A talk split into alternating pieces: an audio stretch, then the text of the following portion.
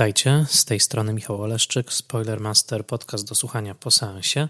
Witam Was w kolejnym odcinku podcastu, w którym opowiadam o kinie bez strachu przed spoilerami. Zapraszam Was do wysłuchania odcinka, jeżeli widzieliście już film, o którym mówię, ewentualnie jeżeli nie boicie się spoilerów. W dzisiejszym odcinku, należącym znowu do cyklu Spoiler Master Classic, który postanowiłem kontynuować w liczbie odcinków większych niż to było oryginalnie przewidziane, ze względu na obecny brak premier i ogólną sytuację koronawirusową. Otóż w dzisiejszym odcinku Spoiler Master Classic opowiem Wam o filmie Tutsi w reżyserii Sydneya Polaka, filmie amerykańskim z roku 1982, filmie, który w momencie swojej premiery w grudniu 1982 roku stał się ogromnym kasowym sukcesem, największym kasowym sukcesem w historii wytwórni Columbia, która miała na koncie między innymi bliskie spotkania trzeciego stopnia Stevena Spielberga, a zatem było z kim konkurować, a także filmie, który został obsypany nominacjami oscarowymi, otrzymał ich 10, y, a jedna z tych nominacji ziściła się w postaci statuetki dla drugoplanowej aktorki Jessie Lang. Film wielokrotnie powtarzany w telewizji, wielokrotnie, e, zwłaszcza grany w latach 90. i wczesnych 2000 na Polsacie. Jedna z najbardziej ukochanych i najbardziej dochodowych komedii w dziejach kina, zdetronizowana pod względem box office'owym dopiero w roku 1984 przez Pogromców Duchów. Film, który, do którego wracam bardzo często i który pod względem konstrukcji scenariuszowej do dzisiaj mnie zachwyca. Także pod tym względem jest to dla mnie swoisty wzorzec tego, jak można e, pisać dobre, e, świetnie skonstruowane scenariusze i używam tego filmu także w trakcie swoich zajęć, między innymi e, z rozwoju scenariusza na Warszawskiej Szkole Filmowej.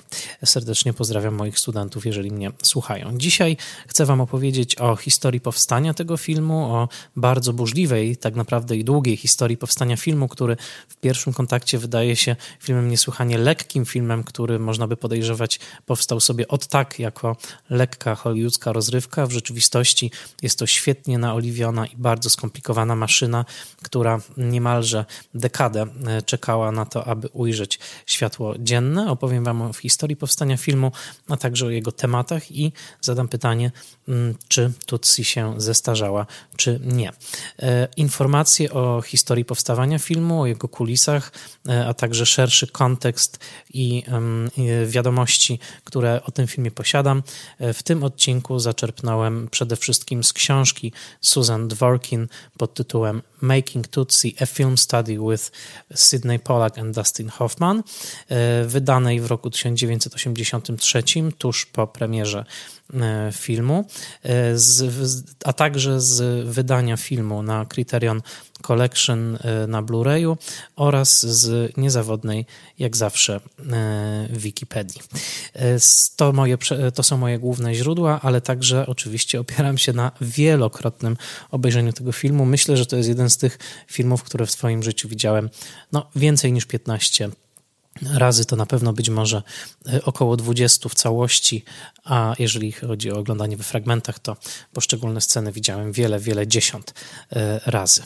E, właśnie, jak zaczęła się cała historia Tutsi. Jak wiecie, e, zapewne, nawet jeżeli nie widzieliście całego filmu, w największym skrócie Tutsi jest opowieścią o bezrobotnym nowojorskim aktorze Michaelu Dorseyu, granym przez Dustina Hoffmana, który właśnie kończy 40 lat, wciąż nie doczekał się głównej roli na Broadwayu i mimo, że jest bardzo szanowany za swoje zdolności aktorskie, przede wszystkim przez innych aktorów, jest także znany z tego, że bardzo trudno się z nim pracuje i po którejś z kolei sprzeczce ze swoim agentem, granym przez swoją drogą Sydneya Polaka, czyli reżysera filmu, postanawia udowodnić mu, że jest zatrudnialny i przebiera się w kobiecy strój, e, idzie na przesłuchanie do roli e, e, kobiecej w popularnej operze mydlanej Southwest General, wzorowanej na General Hospital, prawdziwej operze mydlanej i otrzymuje tę żeńską rolę właśnie w żeńskim przebraniu i jako już Dorothy Michaels staje się ulubienicą publiczności mydlano-operowej i wielką gwiazdą telewizyjną. Ten farsowy pomysł zostaje dodatkowo wzmocniony obecnością komplikacji miłosnych w postaci dwóch kobiet w życiu Michaela. Jedną z nich jest Sandy, jego dotychczasowa przyjaciółka, w którą wikła się w romans w trakcie tych farsowych zawijasów fabuły, tak naprawdę jej nie kochając, a druga kobieta to Julie, grana przez Jessica Lang, właśnie nagrodzoną za tę rolę Oscarem, jedna z gwiazd tele, y, opery mydlanej, w której występuje Dorothy, Dorothy Michaels, w, w której rzeczywiście, w, będąc w przebraniu Dorothy, Michael się zakochuje, ale nie ma możliwości wypowiedzenia tego uczucia, dlatego że Julie traktuje e, Dorothy jako najlepszą przyjaciółkę, nie podejrzewając nawet e, tego, że jest ona w istocie mężczyzną. Ta farsowa w gruncie rzeczy fabuła przedostała się już do kultury popularnej, jest znakomicie znana, a dzisiaj chciałbym zacząć przede wszystkim od tego, jak to się stało, że ten film w ogóle powstał, kto fabułę wymyślił i jakie były losy scenariusza Tutsi. I to w zasadzie jest jedna z najbardziej powikłanych, to jest jeden z najbardziej powikłanych elementów tej historii, dlatego że historia powstania scenariusza Tutsi, a także e, rozmaitych transformacji, jaką ten tekst przechodził, w zasadzie mogłaby być tematem odrębnego filmu, e, ewentualnie serialu. Swoją drogą przyglądając się scenie serialowej i widząc, jak rozmaite historie powstawania różnych e, filmów i dzieł popkulturowych stają się tematami seriali, jak chociażby e, w serialu The Feud, e, który pokazuje powstawanie, co się zdarzyło Baby Jane, ewentualnie Foss Verdon, Fossey Verdon, czyli serialu mm, biograficznego o Bobie Fossim i Gwen Verdon. Myślę sobie, że saga powstania Tutsi spokojnie mogłaby obdzielić kilkanaście odcinków takiego właśnie serialu. Kto wie zresztą, czy to się w pewnym momencie nie stanie. Żeby zrozumieć skąd Tutsi się wzięła, musimy narysować mentalnie kilka linii, które w końcu koncentrycznie schodzą się w tym punkcie przecięcia, jakim jest film Polaka, ale przez pewien czas te linie biegły sobie oddzielnie i dopiero szczęśliwa koniunkcja różnych gwiazd sprawiła, że projekt powstał i znamy go w takiej wspaniałej formie, w jakiej go y, obejrzeliśmy. Y, a zatem rysujemy pierwszą linię. Pierwsza linia ma y, przede wszystkim, wiąże się z postacią Dustina Hoffmana, czyli aktora, który co prawda urodzony w Kalifornii, ale od lat 50. późnych związany już z Nowym Jorkiem, bardzo długo czekał na to, aby osiągnąć karierę i przez wiele lat pozostawał bezrobotnym aktorem.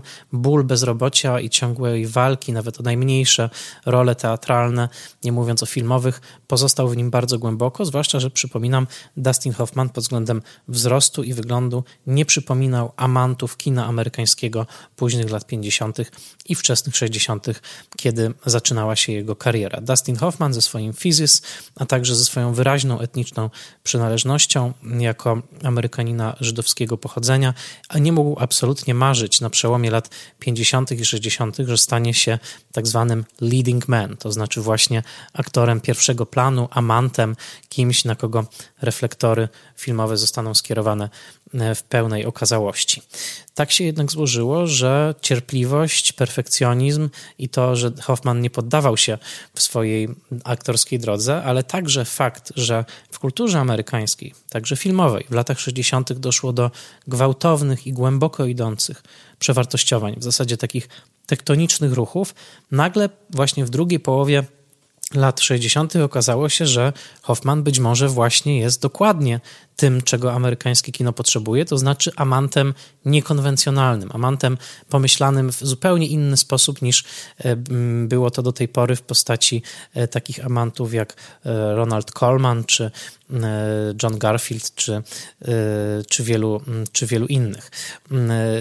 Dustin Hoffman został obsadzony mianowicie przez Mike'a Nicholsa w roku 1967 w roli Bena Bradoka to znaczy syna e, zamożnej rodziny kalifornijskiej, który wdaje się w romans z e, dojrzałą kobietą, matką swojej koleżanki, przyjaciółką swoich rodziców, niejaką panią Robinson. Oczywiście mam na myśli film Absolvent. I pod względem wpływu na amerykańskie aktorstwo i na pejzaż aktorski kina amerykańskiego lat późnych 60. i 70.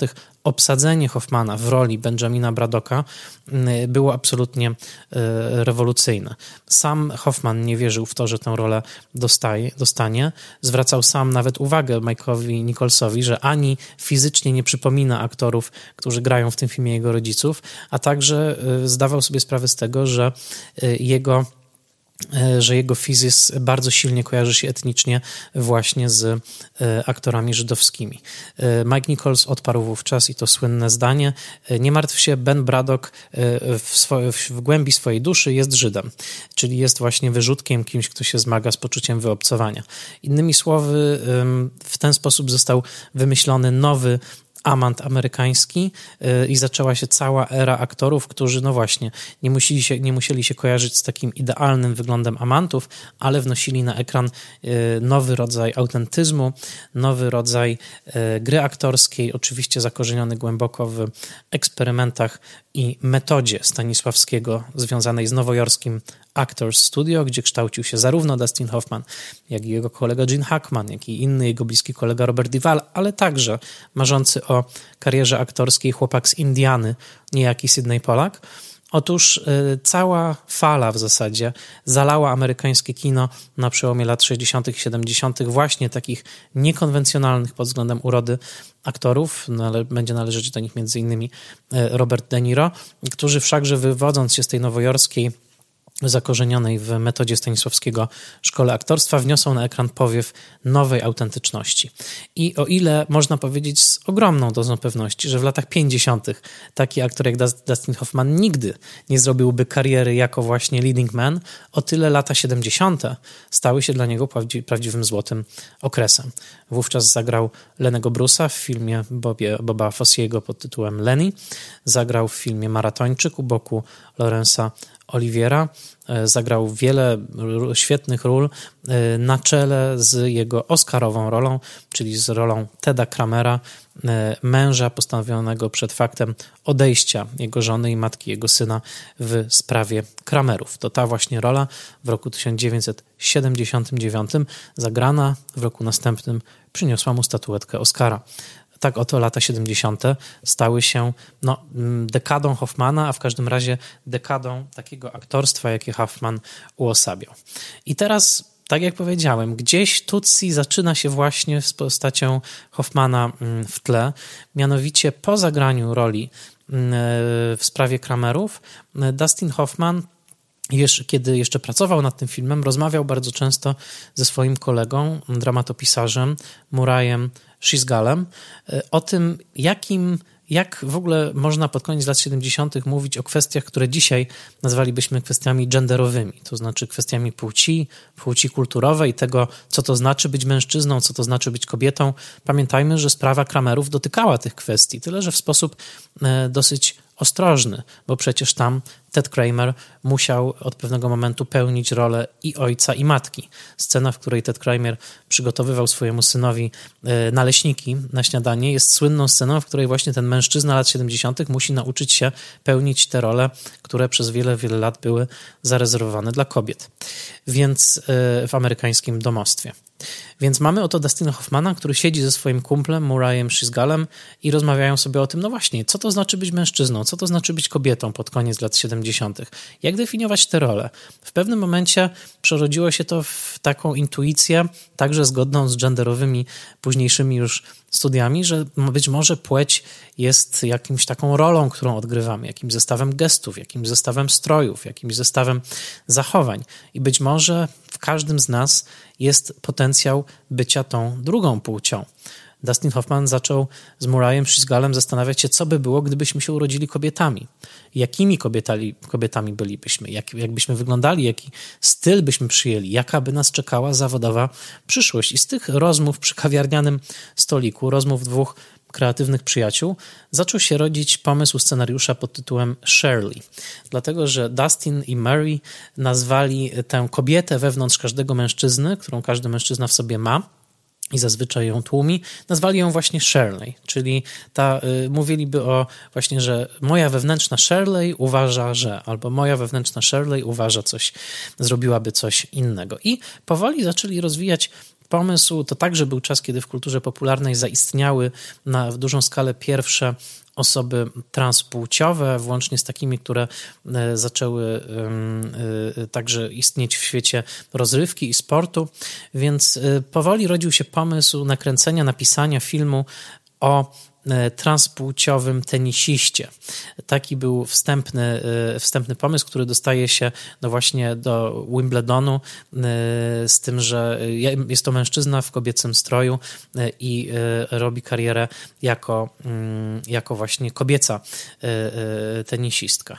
To był pomysł, który rozwijał się przy jednym kawiarnianym stoliku. Gdzieś przy innym kawiarnianym stoliku albo przy jakimś producenckim stole niejaki Charles Evans, brat Roberta Evansa, legendarnego producenta, o którym być może kiedyś należałoby nagrać odrębny odcinek, ale wskazuje tutaj tylko lekkim e, drogowskazem e, regiony mm, mm, dziecka mm, Rozmery i innych produkcji. Otóż brat Roberta Evansa, Charles Evans, postanowił po, karierze w przemyśle odzieżowym, że będzie producentem filmowym, że ma na to środki, kocha kino i chce wyprodukować film. E, jego uwagę przykuła sztuka, tekst Dona Maguire'a pod tytułem czy myślisz, żebym ci skłamał? E, taki był tytuł Would I Lie to You, który opowiadał o bezrobotnym aktorze, który po to, żeby dostawać angaże, właśnie przebierał się za kobietę. I w pewnym momencie E, Charles Evans kupił e, tę, tę sztukę, ten tekst i zaczął rozwijać to jako film dla reżysera Dicka Richardsa. Wynajął do tego celu także scenarzystę Boba Kaufmana. Wszystko to stało się za namową aktora Badiego Hacketa, którego możecie znać z wielu amerykańskich filmów, między innymi z The Music Mana i z Szalonego, Szalonego, Szalonego Świata e, Stanleya Kramera. To wszystko się stało tak, że był to rozwijany projekt właśnie takiej komedii o aktorze, który się przebiera za kobietę z myślą o Dicku Richardsie jako reżyserze. W pewnym momencie Dick Richards od tego projektu odszedł, ale e, z kolei za sprawą innego wspólnego znajomego e, Charles Evans spotkał się z Destinem Hoffmanem i nagle się okazało, że być może ten projekt Shirley, e, właśnie o tym, o tej, o tym tenisiście, może się spotkać z tym projektem opartym na tekście Dona Maguire'a. Być może da się to jakoś połączyć. No i teraz Pytanie, kto e, mógłby to zrobić. Więc policzmy, ile już tutaj kreatywnych umysłów przy tym scenariuszu jest obecnych. Jest Dustin Hoffman, jest Mary Shisgal, jest e, Don Maguire, e, jest Bob Kaufman, który przepisywał tekst Maguire'a. I teraz zostaje wynajęty kolejny pisarz, Larry Gelbart, znany między innymi jako jeden z współtwórców telewizyjnego serialu MASH, ale weteran w zasadzie pisania dla telewizji, bo pracował jeszcze w latach 50. z Sidem Cezarem w takim bardzo słynnym programie The Show of Shows, w którym zaczynał też Woody Allen i Mel Brooks, e, czyli taki no kwiat, można powiedzieć, żydowskiego humoru Nowego Jorku. Otóż Larry Gelbart jest tym, który zostaje wynajęty do połączenia tych różnych elementów. Na tym etapie Dick Richards jako reżyser opuścił już projekt i do projektu został przyczepiony inny reżyser, reżyser ze znakomitą kartoteką udanych i często skandalizujących komedii obyczajowo, mianowicie Hal Ashby. Hal Ashby, który na tym etapie miał już na koncie świetną e, komedię o rasowych stosunkach w Nowym Jorku, to znaczy komedię The Landlord e, z roku 70.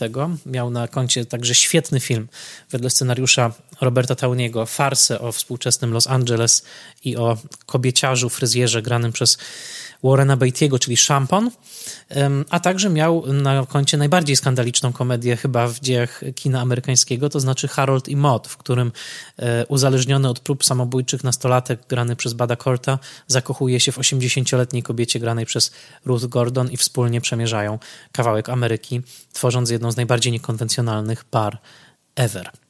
Więc wydawało się, że Hal Ashby będzie świetnym reżyserem dla Tutsi, Tytuł wymyślił swoją drogą Dustin Hoffman, pochodził od e, określenia, mm, jakiego używała w dzieciństwie w stosunku do Hoffmana jego, jego matka, która niestety premiery Tutsi nie, nie doczekała, zmarła krótko przed nią. Natomiast pojawił się właśnie Larry Gelbart, który połączył te wszystkie różne elementy i w zasadzie zaczął powstawać tekst takim, jakim go znamy, gdyby nie fakt, że później do przepisywania, poprawiania tego tekstu i tego całego konceptu zostały do, dołączone kolejne osoby, bo e, w pewnym momencie reżyser Barry Levinson ze swoją partnerką Valerie Curtin także przepisywali ten tekst. Robert Garland był kolejną osobą, ale o czym mówią wprost współtwórcy, o czym mówi Sidney Pollack, osobą, która ostatecznie tekst wypolerowała i nadała mu tych kilka ozdobników i kilka szczegółów, które sprawiły, że całość zrosła się wspaniale w organiczną jedność, była Elaine May. Zobaczcie, jak długą e, litanię nazwisk wymieniłem.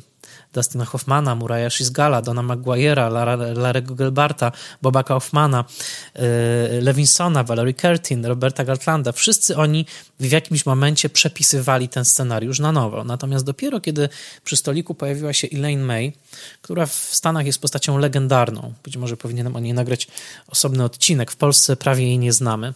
W każdym razie jest postacią kultową, uważaną za no, taką geniu, takiego geniusza komedii która nakręciła tylko kilka swoich własnych filmów, podobno pracuje teraz nad kolejnym, która zasłynęła jeszcze w latach 50. jako stand-upowa partnerka Mike'a Nicholsa, a później w latach 70. nakręciła kilka wybitnych, choć niedocenionych swego czasu filmów, na czele z absolutnym arcydziełem pod tytułem e, Mikey i Nikki z 76 roku, także niedocenionym zawczasu.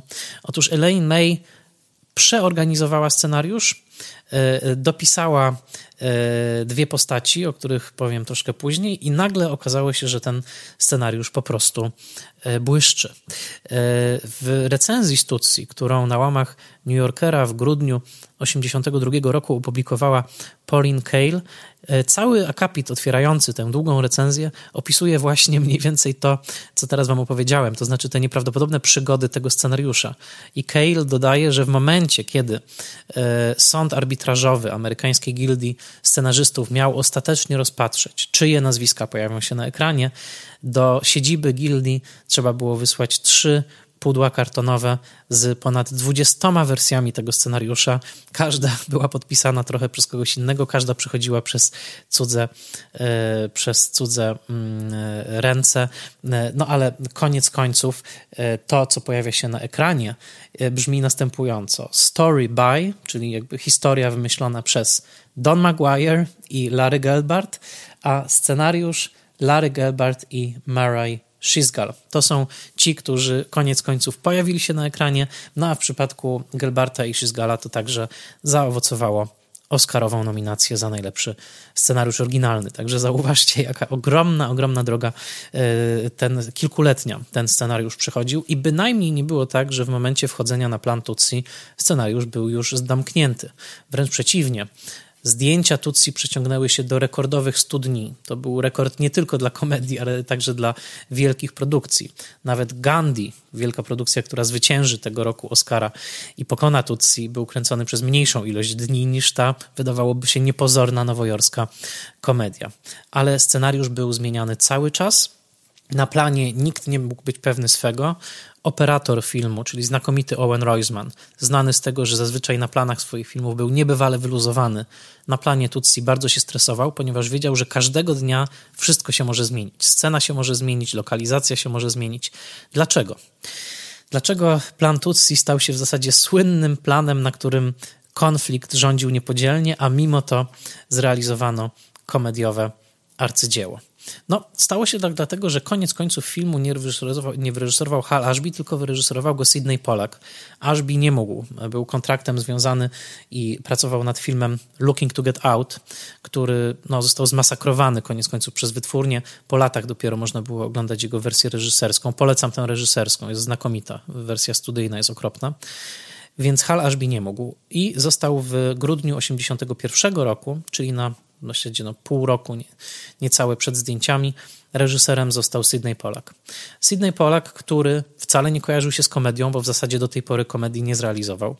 Kojarzył się przede wszystkim z tym, że świetnie prowadzi aktorów, ponieważ sam miał doświadczenie aktorskie. Między innymi poprowadził w świetnej dramatycznej roli Jane Fonda w filmie Czyż nie dobija się koni, a także Barbara Streisand w filmie Tacy byliśmy, The Way We Were. E, był znany przede wszystkim właśnie z cierpliwej pracy z aktorami, e, był znany z dużej wszechstronności, jeżeli chodzi o gatunki, bo i zahaczał o, kinie, o kino wojenne w filmie Castle Keep i o kino psychologiczne w filmie Wątłanić i o wiele innych gatunków. Natomiast takiej farsy, farsy, to znaczy właśnie przebierankowej komedii w typie pół żartem, pół serio, no bo przecież obracamy się wokół toposu przebieranki, E, nie wyreżyserował nigdy i sam nie uważał się za reżysera komediowego. Tymczasem był przed nim scenariusz, no powiedzmy, Szizgala i Gelbarta, który głębokimi swoimi korzeniami sięgał no, do farsy e, scenicznej, a jeszcze wcześniej do komedii szekspirowskiej, być może nawet do komedii greckiej. Sam Gelbart wskazywał, że w swoim pisaniu inspirował się jednymi z klasycznych komedii scenicznych, to znaczy sługą E, dwóch Panów Goldaniego i Wieczorem Trzech Króli Szekspira. Następnym razem, kiedy e, przeczytacie albo obejrzycie inscenizację Wieczoru Trzech Króli, a następnie obejrzycie Tutsi, porównajcie sobie scenę, w której Michael w przebraniu Dorothy rozmawia z e, Julie, czyli Jessica Lang, i rozmawiają o tym, jak trudno być kobietą w latach 80. I porównajcie to ze sceną, w której książę Orsinio rozmawia z Wiolą, tyle że przebraną za Cezaria, o tym, E, właśnie jak trudno z kolei być e, mężczyzną w czasach wojen. I e, zobaczcie, że w obydwu tych scenach osoba przebrana pała miłością do osoby, która no, pojawia się w swojej E, faktycznej płci biologicznej e, i e, nie może wypowiedzieć tego uczucia. No to ta scena jest ściśle szekspirowska, jest ściśle zakorzeniona w Wieczorze Trzech Króli. Więc oto przed takim tekstem stanął Sydney Polak i co postanowił? Postanowił, że nie będzie tego scenariusza realizował jak, jako farsy. Postanowił, że musi znaleźć w tym scenariuszu jakiś realistyczny trzon, którego będzie się trzymał, on to nazywał armaturą tego scenariusza, czyli takim sednem sprawy. O czym ta historia jest? To nie jest historia o tym, że facet ma na sobie sukienkę, bo płytka farsa mogłaby być właśnie o tym. Natomiast ten film musi być o czymś więcej, musi być o czymś prawdziwym, musi być o czymś emocjonalnym. I koniec końców jest o tym, o czym traktuje jedno z ostatnich słów, zdań wypowiedzianych przez Michaela na ekranie, to znaczy o tym, że Michael Dorsey, który do tej pory w swojej pracy był nieustępliwy, trudny, ale także, który traktował kobiety w sposób absolutnie przedmiotowy, poprzez założenie tej sukienki, poprzez założenie przebrania kobiecego i doświadczenia także seksizmu w miejscu pracy, jakim jest plan filmowy, e, od tej strony kobiecej, kiedy to po raz pierwszy męska agresja seksualna zostaje skierowana na niego i sam jej doświadcza, że on poprzez to staje się lepszym człowiekiem, staje się lepszym mężczyzną. To słynne ostatnie zdanie, które Michael Dorsey wypowiada do Julie, próbując przebłagać ją i powrócić do niej już jako partner, nie jako przyjaciółka, kiedy Michael mówi, e, będąc kobietą z tobą, byłem lepszym mężczyzną niż kiedykolwiek jako mężczyzna. Teraz to troszeczkę pomyliłem, ale sam Hoffman nawet trochę myli to zdanie, mówi je bardzo niepewnie w ujęciu, które Polak zdecydował się zachować, ponieważ zdawał sobie sprawę, że ta linijka dialogu jest tak skomplikowana, że nikt nie wypowiedziałby jej naturalnie, więc ucieszył się z błędu, który popełnił Hoffman i tak samo zachował ją e, w ostatniej scenie filmu, że to będzie dla niego sedno sprawy, że to jest historia podróży kogoś, kto zaczyna jako mężczyzna pełen seksistowskich uprzedzeń i mm, takich właśnie seksistowskich zachowań w stosunku do kobiet, ale który poprzez tą drogę, poprzez właśnie no, stanie się tą drugą płcią, doświadcza świata w nowy sposób, poprzez taki gest radykalnej empatii zaczyna być lepszym mężczyzną. Więc w momencie, kiedy Polak znalazł tą, jak to nazywał, armaturę całości, postanowił reżyserować każdą scenę, po pierwsze, stuprocentowo realistycznie pod względem ludzkich zachowań, to znaczy z każdą w każdej scenie liczył się najbardziej z tym, co ten bohater rzeczywiście zrobiłby w tej sytuacji, a bynajmniej nie wiedziany jakąś farsową mechaniką, ani też farsową ekspresją aktorską, która wymaga podkreślania różnych emocji, grania trochę pod publikę, takiego podkreślania i przerysowywania ekspresji. Więc to po pierwsze, a po drugie, żeby każda scena pracowała właśnie na ten temat, to znaczy stopniowej przemiany Michaela, który e, no, w zasadzie poddaje pod wątpliwość swoją, swoją dotychczasową męskość i chce być lepszym mężczyzną, a to wszystko dla Julie. I w momencie, kiedy on ten temat znalazł, zaczął dyskutować na ten temat z, z Dustinem Hoffmanem, a przede wszystkim zaczął się na ten temat z Dustinem Hoffmanem dosyć poważnie spierać. Sam Dustin Hoffman mówił w wywiadach, że na planie filmowym, czy to plan Nocnego Kowboja, czy to plan Maratończyka, on potrzebuje przeciwnika, potrzebuje sparring partnera. I takim sparring partnerem był dla niego Polak i cała ekipa Tutsi była przyzwyczajona do tego, że każdy dzień zdjęciowy zaczynał się od kłótni. Właściwie od kłótni rytualnej, to znaczy Polak i Dustin zamykali się w pokoju, wrzeszczeli na siebie, kłócąc się o poszczególne sceny, o każdy najmniejszy detal zachowania. Potem dam kilka przykładów. Każdy detal sceny, każdą w zasadzie emocjonalną odcinek drogi, jaki przebywali bohaterowie, i po tej kłótni następował śmiech, przyjacielskie poklepanie się po, ramien, po ramionach, i dopiero wówczas wychodzili z pokoju i mówili ekipie, jak dokładnie będzie wyglądał dzisiejszy dzień pracy. I dlatego właśnie mówi się o Tutsi jako o takim filmie zrodzonym w konflikcie, ale był to konflikt podszyty oczywiście ogromną przyjaźnią i podszyty ogromnym szacunkiem. Żeby doświadczyć tej dynamiki, jaka łączyła Hoffmana i Polaka na planie Tutsi, wystarczy obejrzeć ich wspólne sceny w tym filmie, dlatego że Stanley Polak wciela się w agenta e, Sida, e, który jest agentem Michaela Dorseya i cały czas kłóci się z Michaelem. Jest długa, długa, słynna scena kłótni, kiedy e, wprost e, Sid zarzuca Michaelowi, że nie da się z nim pracować i ta dynamika tego właśnie takiego ciągłego wrzeszczenia na siebie jest też dynamiką, którą Polak i Hoffman e, ze sobą e, współdzielili. Co więcej, Polak rzeczywiście, no tak jak już wspomniałem, w tym filmie zagrał. Więc mamy ze sobą tutaj na ekranie dwóch gości, którzy obydwaj przyjechali do Nowego Jorku w latach 50. tak jak wspomniałem, Polak z e, Indiany, a mm, Hoffman z Kalifornii. Polak troszkę wcześniej, bo w roku 52, Hoffman później w roku 58 i obydwaj byli zanurzeni w świecie aktorstwa nowojorskiego. Obydwaj doskonale znali metodę Stanisławskiego i mówili dokładnie tym samym językiem, czyli pamięci afektywnej, e, wiarygodności psychologicznej, wiarygodności w każdym momencie rozumienia motywacji swojego bohatera. A zatem mamy na ekranie tak naprawdę partnerów, którzy doskonale operują tym samym słownikiem sztuki aktorskiej i sztuki reżyserskiej, co daje znakomite e, rezultaty na ekranie, co o tyle jest ciekawe, że agenta wcale nie miał grać na początku Sydney Polak. O tym powiem za chwilę, a w zasadzie teraz przechodząc do kwestii właśnie obsady. Zanim kamery zostały uruchomione, światła włączone i zanim produkcja i zdjęcia ruszyły w kwietniu roku 1982 i miały trwać tych kolejnych 100 dni, film kosztował 22 miliony dolarów, z czego 4,5 miliona to, były, to była garza Hoffmana, a prawie 2 miliony zostały władowane w te długie, długie prace scenariuszowe, więc to był drogi film. Więc zanim to wszystko się zaczęło, trzeba było film obsadzić. I tutaj no, wskazujemy na obsadę i na to, w jaki sposób w zasadzie idealne obsadzenie tego filmu przesądza w dużej mierze o jego sukcesie. Tak jak Polak lubił się chwalić później odnośnie Tutsi, wszystkie główne postaci i wszystkie główne role zostały obsadzone w pierwszym rzucie. To znaczy, co prawda kandydatów było wielu, ale Polak mówił, że no w zasadzie od razu wiedział, kogo obsadzić i że poszedł totalnie ze swoją intuicją. No zatem w głównej roli oczywiście mamy Dustina Hoffmana, aktora znanego ze swojego perfekcjonizmu, znanego także z tego, że no, wcielał się w pełni także w rozmaite etniczne role, chociażby jak Włoch Alfredo w filmie Alfredo Alfredo, e, który właśnie miał ten wybuchowy temperament, który był znany z tego, że swoją intensywnością skupienia na roli i wchodzenia w rolę potrafił pociągnąć za sobą całą ekipę, często przemawiając do różnych osób w ekipie jako Michael albo co lepsze, jako Dorothy, więc tutaj mieliśmy tą absolutną w zasadzie silnik całego filmu, jego motorniczego, bo to energia i y, pasja Dustina Hoffmana sprawiły, że ten film w ogóle się oderwał od ziemi i miał powstać. Dustin sam powiedział, że, że to był jego projekt wymarzony. Więc mamy Dustina Hoffmana, Partneruje mu Jessica Lang jako wspaniała, przepiękna Julie.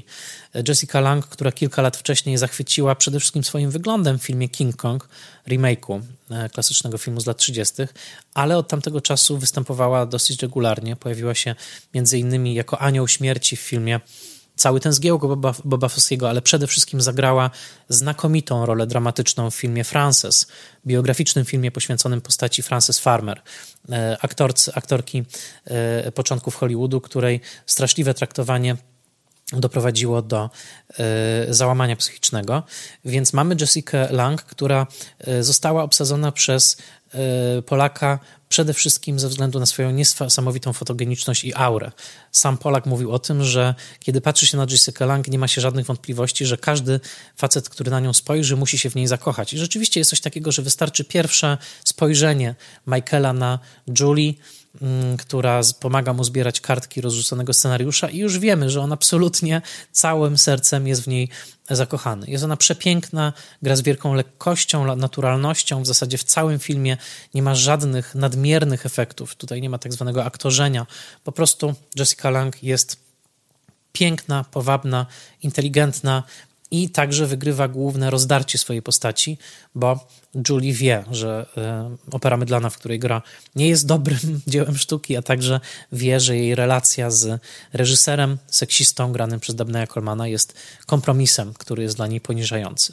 Więc Jessica Lang, która wówczas kojarzyła się, no właśnie, z jednej strony z King Kongiem, z drugiej strony była trochę symbolem seksu, po filmie Listonosz zawsze dzwoni dwa razy, E, i po bardzo wyczerpującej psychicznie roli we Frances, gdzie dała z siebie wszystko, tam partnerka ekranowa Jessica Lang, znakomita, już starsza wówczas aktorka Kim Stanley, powiedziała jej: Słuchaj, po tym filmie, który był tak dla ciebie wykończający, musisz zagrać w komedii.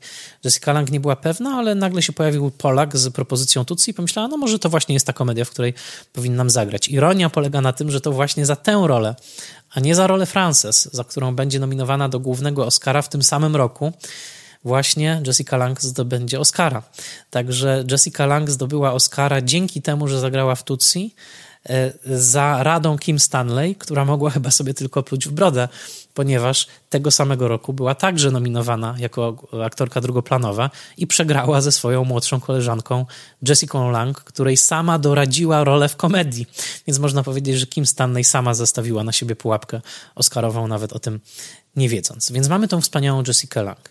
Mamy Terry Gary jako Sandy, czyli dziewczyna właśnie od pewnego momentu dziewczynę, wcześniej przyjaciółkę e, Michaela, która najpierw jest przesłuchiwana do roli, do, do, do roli mm, e, Emily w e, operze mydlanej, ale tej roli nie dostaje i w zasadzie no, dzięki temu, że Michael jej towarzyszy w trakcie tego przesłuchania, w ogóle dowiaduje się o tym, że taka opcja jest i koniec końców tę rolę dostaje, o czym oczywiście sama Sandy nie wie, ponieważ Michael ją w tym filmie przede wszystkim okłamuje. To jest rola zagrana przez Terry Gar, wspaniałą aktorkę, którą komediowej talenty zachwyciły Polaka już w filmie Młody Frankenstein, ale która wcześniej pojawiła się chociażby we wspomnianych już bliskich spotkaniach trzeciego stopnia i która w tym filmie tworzy komediowe arcydzieło. Zresztą też dostała nominację za rolę drugoplanową. Nie była zadowolona z tego, że gra Sandy, ona chciała grać Julie, chciała grać tą główną rolę. W pewnym momencie pogodziła się, że jej talenty przede wszystkim ją predestynują do właśnie drugiego planu komediowego i ona ten drugi plan komediowy postrzelonej Sandy, która jednocześnie jest bardzo inteligentna, ale też bardzo rozprzestrzeniona Szczepana, która ma dużą świadomość feministyczną, w pewnym momencie wylicza lektury feministyczne, które ma już za sobą, a z drugiej strony cały czas nie potrafi się odnaleźć w świecie tego aktorskiego Nowego Jorku, a poza tym jest kalifornijką w Nowym Jorku, co zresztą było także prawdą o Gar. Ta, ta rola jest genialna i w zasadzie jej echa możemy także zobaczyć później, wiele lat później e, w roli Phoebe w serialu Przyjaciele, Liza Kudrow w zasadzie powtarza wszystko, co robi Terry Gar w roli Sandy. I tutaj ważna uwaga, rola Sandy została wymyślona i napisana przez Elaine May. To jest wspaniały dodatek komediowy w tym filmie i cała ta koncepcja właśnie tej postrzelonej przyjaciółki została wymyślona przez Elaine May. Swoją drogą Elaine May była znana właśnie z grania takich postaci, jak y, możecie się przekonać chociażby słuchając jej stand-upów z Mike'em Nicholsem albo oglądając ją w o wiele późniejszym filmie Woody'ego to znaczy w Drobnych Cwaniaczkach, gdzie zagrała właśnie taką trochę postrzeloną już starszą e, kobietę. E, współlokatorem Jeffem, e, współlokatorem Michaela, e, który jest takim właśnie no, intelektualistą, autorem sztuk, ale obydwaj, Jeff i Michael, pracują w restauracji jako właśnie ciągle nie, mający, nie mogący znaleźć zatrudnienia ludzie teatru w Nowym Jorku. Otóż jako Jeff wystąpił Bill Murray i tutaj kolejna uwaga. Ta postać Jeffa także została wymyślona przez Elaine May. Elaine May uznała, że Michael potrzebuje swojego cienia, potrzebuje ktoś, kogoś, z kim będzie rozmawiał i komu będzie trochę streszczał swoje przygody jako kobiety.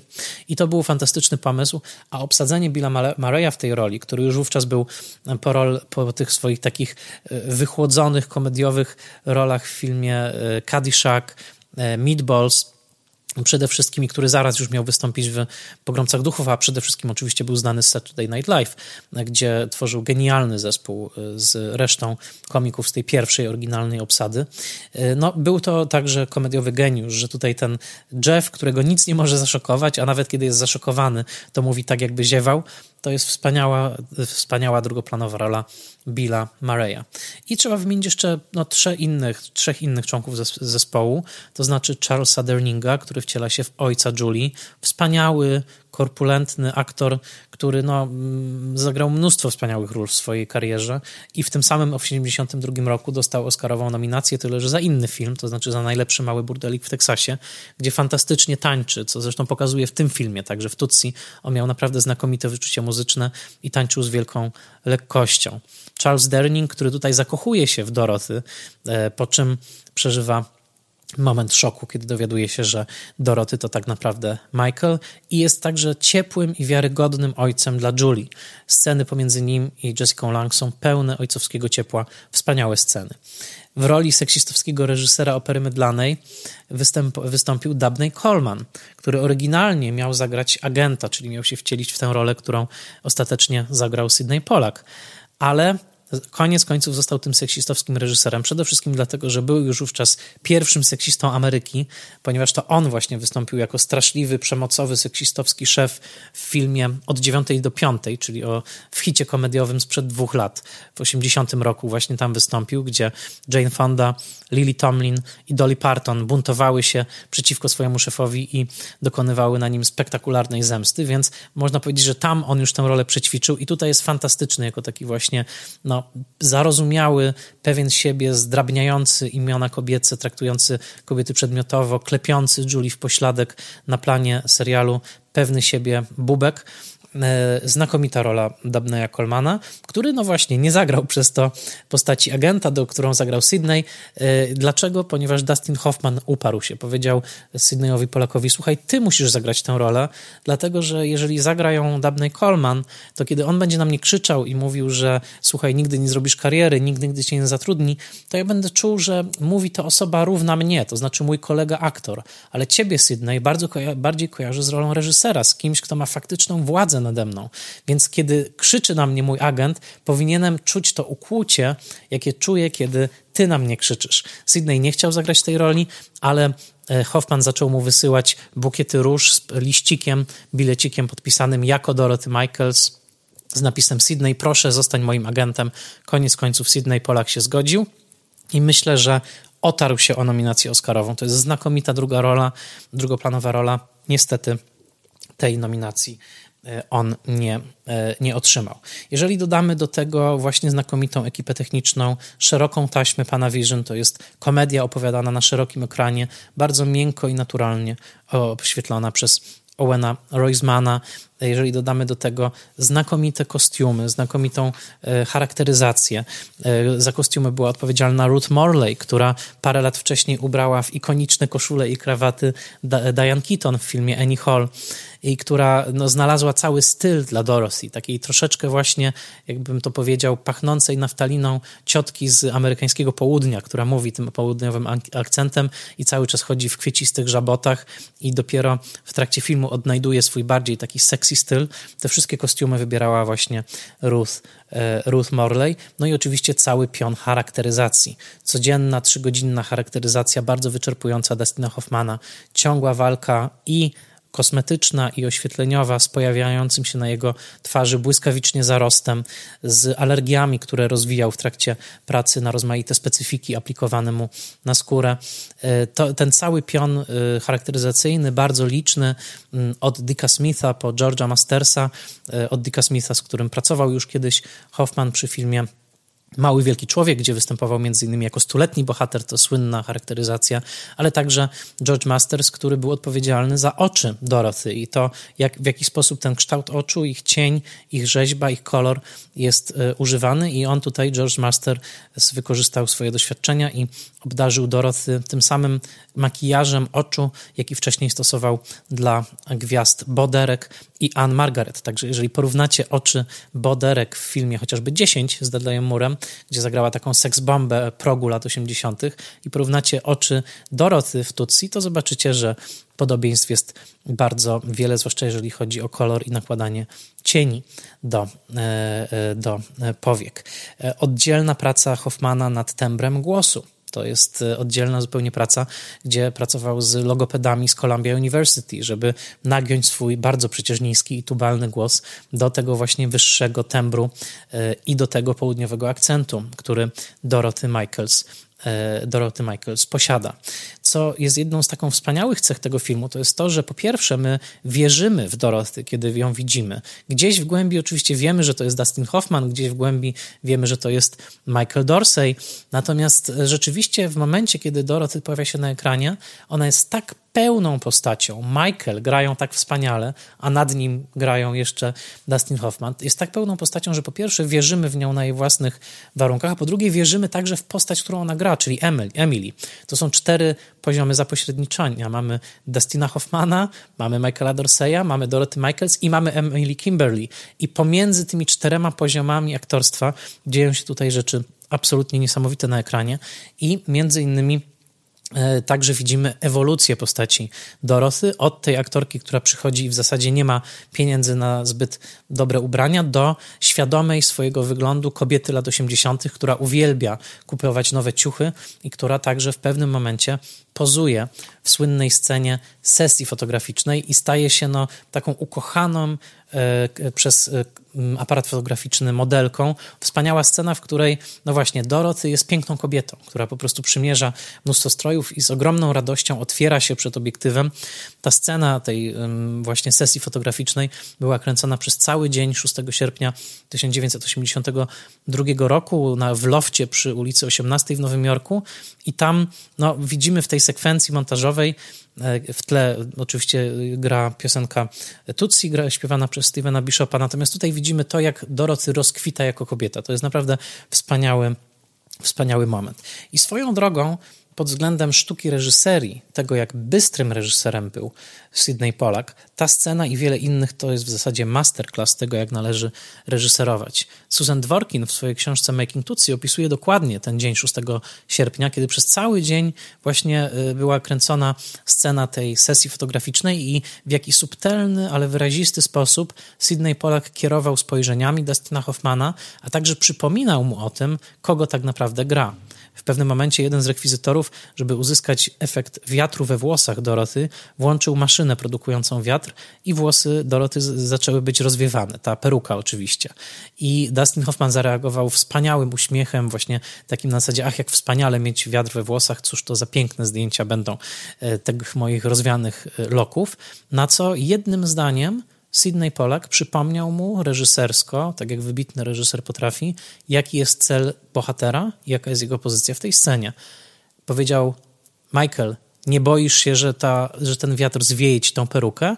I nagle Dustin Hoffman przypomniał sobie, że przecież dla Michaela taki moment, w którym właśnie wiatr uderza w jego twarz, byłby przerażający, bo mógłby zaowocować no, zerwaniem jego przebrania. Więc nagle zareagował strachem i jest to ujęcie w filmie, w którym w pewnym momencie Dustin Hoffman ma takie prze, przestraszone spojrzenie. I to jest właśnie efekt tej e, reżyserskiej uwagi Stanleya, e, Stanleya Polaka. Takich reżyserskich dotknięć, e, efektów jest w tym filmie o wiele więcej. Między innymi we wspaniałej scenie, w której e, Michael w końcu zrywa maskę Dorothy i Emily zarazem i w audycji na żywo nadawanej na żywo odcinku Southwest General e, najpierw wygłasza długie przemówienie o tym, kim ta jego postać naprawdę jest, po czym zrywa perukę i pokazuje, kim jest. Tutaj także Sidney Pollack reżysersko zagrał o to, żeby Michael i Dustin pamiętali, jaki jest cel głównego bohatera i cała ta scena jest wygrana na takiej nucie narastającej wściekłości, dlatego, że to Sidney Pollack doradził Dustinowi Hoffmanowi, mówiąc, słuchaj, w miarę jak mówisz, Pomyśl sobie o tych wszystkich ludziach, którzy mówili, że Tutsi się nie uda, że ten film będzie porażką, że ty nigdy nie będziesz aktorem. Przypomnij sobie te uczucia z lat 60., kiedy nie mogłeś dostać roli. W końcu stoisz na tych schodach i możesz im wszystkim wygarnąć. Wszystkie spojrzenia, spojrzenia całej Ameryki są skierowane na ciebie. I rzeczywiście, w miarę jak Dorothy schodzi po tych schodach, wygłasza swoje przemówienie i w końcu Michael zrywa swoją perukę, widać ten gniew. To jest też genialna reżyserska Uwaga. No i jeden z absolutnie najlepszych pomysłów, który przebudował cały początek scenariusza e, to i całą pierwszą sekwencję filmu, to było zaimprowizowanie warsztatu aktorskiego, który Dustin Hoffman nauczał dla młodych aktorów, dla studentów Jacka Walcera, który swoją drogą był kiedyś uczniem Sydneya Polaka, właśnie w takim studio przy 18 ulicy i po prostu no, polegało to na tym, że młodzi ludzie zebrali się, młodzi aktorzy i przez kilka godzin Dustin Hoffman prowadził dla nich warsztat. Te sceny były kręcone przez Owena Reismana jako dokumentalne, ale w momencie, kiedy obejrzycie sobie początek Tutsi, całą tą sekwencję otwierającą, siedmiominutową, pięknie i skomplikowanie zmontowaną e, przez montażystów ojca i syna, Frederika i Billa Steinkampów, zobaczycie, że tak naprawdę ta zaimprowizowana scena stała się podstawą tej otwierającej sekwencji. Innymi słowy, coś, co w scenariuszu było opisane dosłownie jednym zdaniem. Michael daje krótki wykład dla swoich studentów. Tutaj, za sprawą właśnie wykorzystania w zasadzie dokumentalnego materiału z tego warsztatu Hoffmana, stało się osnową dla całej postaci Michaela. To dzięki tego, temu warsztatowi poznajemy, kim on jest, orientujemy się, że jego uczniowie mają dla niego wielki szacunek i mimo, że on nie dostaje tych ról, które by chciał, widzimy, że jest po prostu wybitnym, e, wybitnym aktorem. Tych przykładów takiej ciągłej negocjacji, tego jak przesunąć jakiś jeden element w scenie, jak ją delikatnie zmienić, żeby była możliwie najśmieszniejsza, było w tym filmie całe tuziny i polecam wam książkę Susan Dworkin, która opisuje to bardzo, bardzo szczegółowo. E, na, na, planie tego filmu w zasadzie powstało takie pojęcie jak freebie, to znaczy takie darmowe ujęcie, w którym aktorzy improwizowali różne rzeczy i część tych darmowych ujęć, których nie było w scenariuszu, później trafiły do filmu. Jest tych przykładów naprawdę, naprawdę dużo. Koniec końców powstał film, który po długim procesie montażu e, i po takim no, właściwie mm, koronkowej robocie e, wybierania najlepszych ujęć i e, tworzenia całej komediowej całości jest jedną z najlepszych fars, a jednocześnie najlepszych komedii, jakie w ogóle powstały w Hollywood. Jaki jest temat tego filmu? O czym on jest? powoli przechodząc do tej części końcowej podcastu, powiem tak. Jest to oczywiście film o rolach płciowych, jest to film o seksizmie w, w, miejscu pracy, jest to film o tym, jak nierówne jest traktowanie kobiet i mężczyzn w miejscu pracy. Główna przemowa Doroty, feministyczna, która zaczyna zmieniać scenariusze opery mydlanej, w której występuje właśnie pod kątem emancypacyjnym, która występuje wprost przeciwko reżyserowi i mówi: Słuchaj, nie zwracasz się z drobnieniami do żadnego z faceta na tym planie, a do mnie cały czas właśnie mówisz honey, tutsi, to jest ten tytuł, tak? Po angielsku on oznacza między tyle co lala albo Cizia lub Lalunia. Nie mów do mnie Tutsi, nazywam się Doroty. To jest temat tego filmu. Michael odkrywa podstawową nierówność między kobietami i mężczyznami w miejscu pracy, taką jaki jest plan filmowy, i zaczyna w sobie jako Doroty odkrywać postaci, pokłady buntu, które następnie pomogą mu w zmienieniu siebie jako mężczyzny. To jest pierwszy temat. Drugi temat to jest po prostu aktorstwo. To jest to, czym Michael żyje i co stanowi o każdym włóknie jego mięśnia. Aktor jest kimś odmiennym od nas wszystkich. Aktor jest kimś, kto ciągle szuka pożywki dla kolejnej roli. I to wspaniale pokazuje Dustin Hoffman w tym filmie. Michael rozkwita jako Dorothy. Michael w pełni żyje jako Dorothy, dlatego że jako Dorothy gra. Hoffman uruchomił całą swoją pamięć tych lat odrzucenia, lat niemożności grania, żeby nadać Michaelowi właśnie ten impet, ten gniew, który sprawia, że w końcu, kiedy dostanę już rolę, wbije w nią zęby i to będzie najbardziej soczysta rola, jaką kiedykolwiek zobaczycie. Do tego stopnia Hoffman uruchamiał te swoje wspomnienia wczesnej nowojorskiej drogi, że nawet umieścił w swoim ekranowym mieszkaniu przedmioty, które przypominały mu o tym czasie, mimo że nie widać ich na ekranie.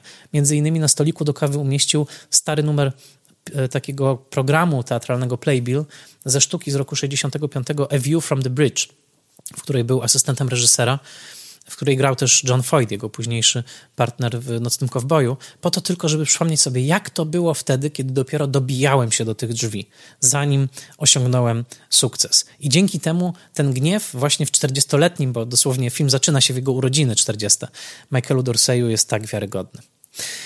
Kończąc opowieść, film wchodzi na ekrany 17 grudnia 1982 roku w mniej więcej 900 kinach. Wkrótce jest tych kin już ponad 1200. Film kosztował 22 miliony dolarów, zarobił ich ponad 170.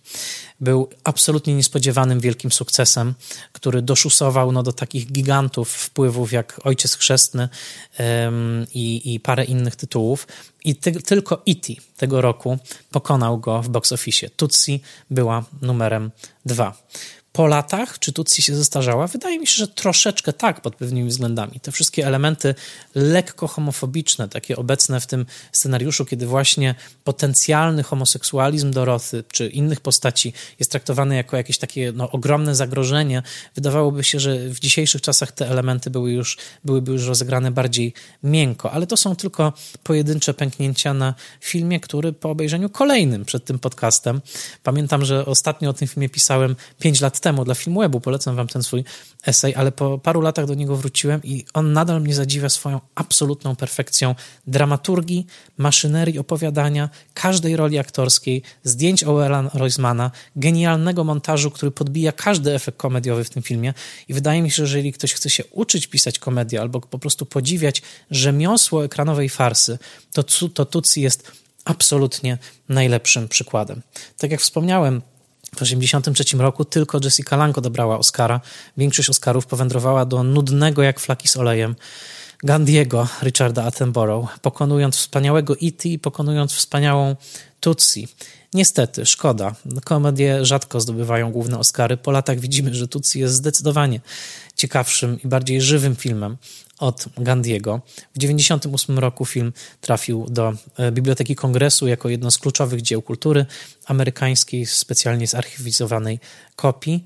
A w trakcie nocy Oscarowej, swoją drogą, pamiętajmy, że to dokładnie ta sama noc Oscarowa, w trakcie której triumfował Zbigniew Rybczyński ze swoim filmem Tango, a właściwie Zbigniew Roworki, jak wypowiedziała to nazwisko wręczająca wówczas statuetkę Christy McVie. Nicole.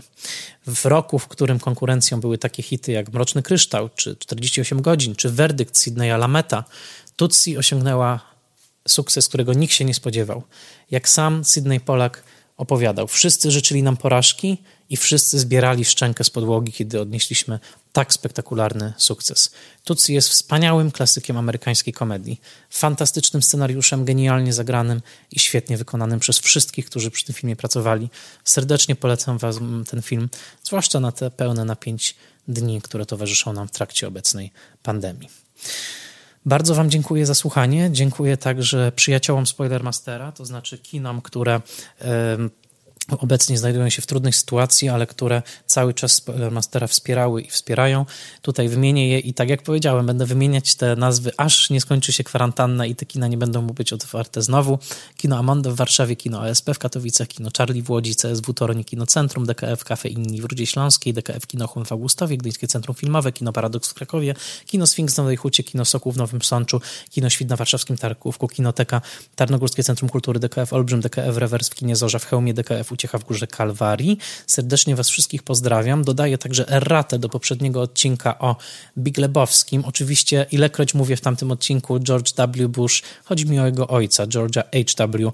Busha. Przepraszam Was za tą pomyłkę. I dziękuję Wam, że dołączyliście do kolejnego odcinka Spoiler Master Classic, tym razem o jednej z moich ulubionych komedii, czyli o Tutsi Sydneya Polaka.